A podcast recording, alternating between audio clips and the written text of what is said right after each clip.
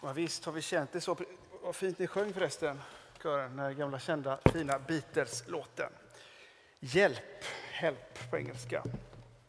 Ja, visst är det så att vi ehm, från och till ropar hjälp. Hur ska jag orka ta mig igenom det här?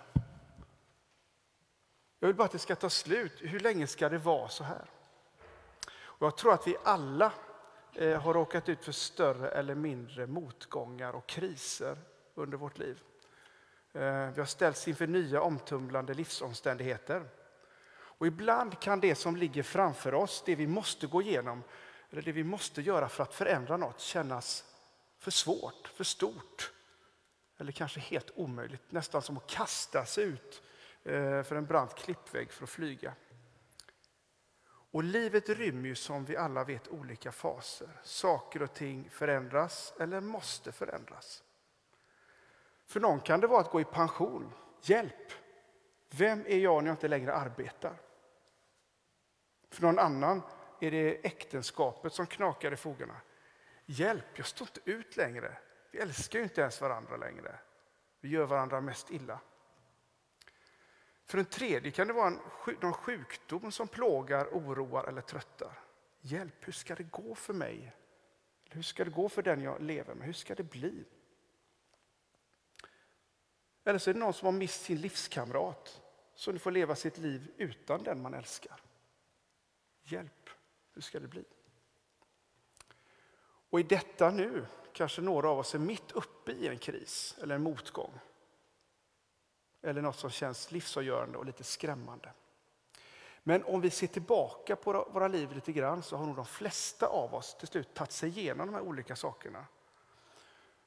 Ehm, och det märkliga är att vi kan växa när vi till slut eh, tar oss igenom våra rädslor, våra motgångar och våra besvikelser. För inget växande sker egentligen utan kriser. Men det är väl ingen av oss som tycker det är särskilt kul när man är mitt uppe i krisen. Det är förfärligt där och då. Ändå är det så livets villkor ser ut för alla människor. Det är liksom inget vi kan välja bort. Vi hörde från bibelläsningen här ur evangeliet. Ehm, det, brukar ingå, det ingår i det som brukar kallas för Jesu avskedstal. För det är det som Jesus håller på att göra. Han eh, tar avsked av sina lärjungar, sina vänner. Och detta att han skulle lämna dem var förstås en oerhörd kris, omtumlande för dem. För Jesus han var ju deras liv, deras centrum, deras hopp. De hade satsat allt för att följa honom. Och nu skulle han bara försvinna, lämna dem i sticket. Hjälp, vad händer nu? Ska Jesus sticka ifrån oss? Och som inte det vore nog så hade Jesus mage att säga att det var bra att han skulle lämna dem. Jag säger er sanningen, det är för ditt bästa som jag lämnar er. För om jag inte lämnar er kommer inte hjälparen till er. Men eh, med hjälpa menar Jesus ande förstås, den heliga ande. Men detta gjorde ju inte lärjungarna gladare. Tvärtom, det fyllde deras hjärta med sorg. För vad var hjälparen, den heliga anden jämfört med Jesus som de kände till?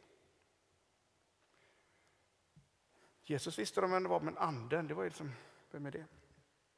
Helt klart är ju att de befann sig i en kris, liksom vi också befinner oss i kriser från och till. Och som sagt, det märkliga är att vi kan växa när vi tar oss igenom det här. Så var det för Jesu lärjungar och så är det för dig och mig. Men att torrt konstatera att vi kan växa som människor hjälper oss ju inte när vi är mitt uppe i alltihopa det här. Du, och säga att nu, nu är du mitt uppe i en kris, nu kommer du växa som människa. Det är, så, det är ungefär lika inlevelsefullt som att säga prosit när någon nyser. Va? Där och då är det förfärligt. Och ehm, då kanske vi känner oss helt ensamma och övergivna. Men det gör oss inte till sämre människor eller sämre kristna. Vi behöver där och då inte klämma fram några skenheliga känslor av att vi känner oss trygga och omslutna när vi inte känner så. Gud har aldrig begärt det av oss och begär inte det. När det är som värst får vi eh, i Jesu efterföljd ropa på hjälp. Min Gud, min Gud, varför har du övergivit mig? Att växa i tro är ju dagens tema. Tro, T-R-O. Varför tycker Jesus och kyrkan att det är så himla viktigt att tro? Och vad är tro för något? I vår evangeliska tradition har det med rätta betonat att tro är något mycket mer än att säga att något är sant. När jag säger, du säger jag tror på Gud så betyder det först och främst jag litar på Gud. Och att tro på Gud är därför i grunden en relation, en kärleksrelation. Vi hörde här förut att Gud är kärlek som du läste. Vi kan därför säga att tro först och främst handlar om att upptäcka om att Gud faktiskt och trots allt älskar oss. Och att älska Gud tillbaka. Och att Gud älskar oss, det fick vi höra i dagens gammaltestamentliga läsning från Hosea. Med trofasthetens eh, band drog jag människorna, med kärlekens rep. Jag var som den som lyfter upp ett barn till kinden.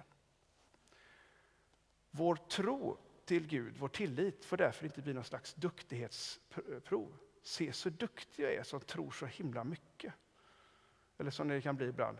Se så, så, så mycket jag tror eftersom jag tror på allt det som är extra konstigt i Bibeln, som är svårt att förstå. Det tror jag jättemycket på. Det gör mig till jättekristen och jättetroende. Det handlar det inte om, faktiskt.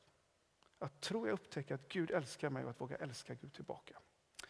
Och min eh, prästvigningsbiskop Erik Aurelius han tröttnade aldrig på att upprepa, på, upprepa vad den legendariske kyrkomannen Henrik Schartau en gång hade sagt.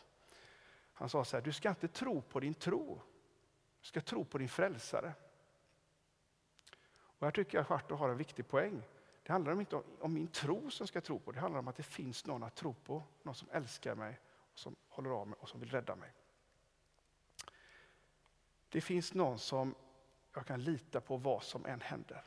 Så jag får ropa ut mitt hjälp till, inte minst när det är jobbigt och när vi går igenom olika saker.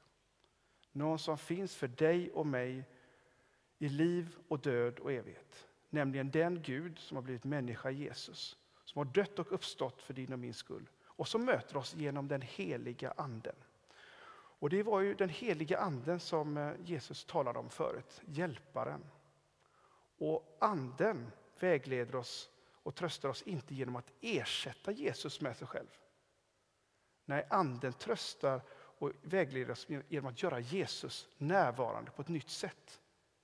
Det är, Jesus, det är anden som gör att vi får en tro, att vi kan upptäcka Jesus, vi kan upptäcka Gud. Tack vare anden är Jesus till och med mer närvarande hos oss nu än vad han var när han vandrade på jorden. Tack vare den heliga anden är Jesus inte bara Gud med oss, han är också Gud i oss. Det gör att vi i grunden aldrig är ensamma eller utlämnade åt vårt öde, även om det kan kännas så ibland. För det finns verkligen någon som vi kan ropa ut vårt help, vår hjälp till. Någon som hör vår bön och som genom sin ande vill leda oss rätt i allt det som är våra liv. Hur vi än har det och vad vi än går igenom.